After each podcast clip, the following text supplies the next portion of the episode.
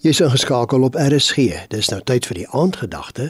Vanaand se aandgedagte word aangebied deur Dominee PC Pretorius van die NG Gemeente Moreletta Park. Goeienaand luisteraar. Ons is besig hierdie week om bietjie te gesels tot die oploop van Pinkster. Wat 'n ongelooflike opwindende tyd van die kerkjaar. God se plan was nog altyd gewees dat die Heilige Gees sou kom. Dan leer hy ons verder, soos in Efesiërs 5, wees baie versigtig hoe jy lewe Nie soos onverstandige mense nie, maar soos verstandiges.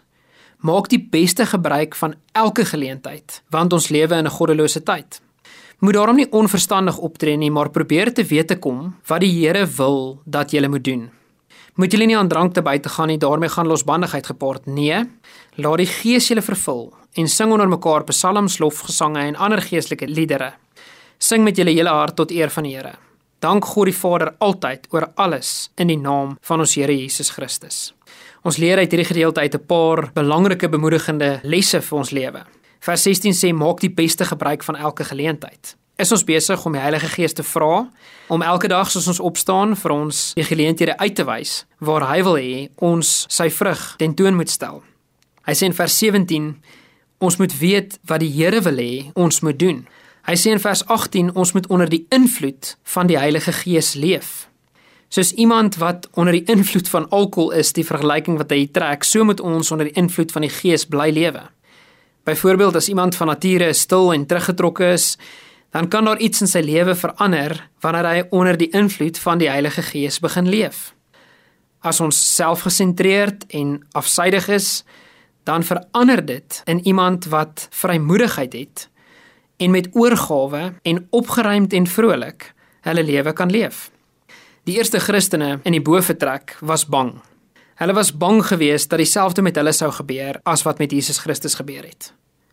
Maar toe die Heilige Gees hulle begin vervul, het hulle onbevrees met vrymoedigheid in die wêreld begin getuig en so opgewonde oor wat Christus vir hulle gedoen het, begin praat met mense dat mense gedink het hulle is onder 'n vreemde invloed.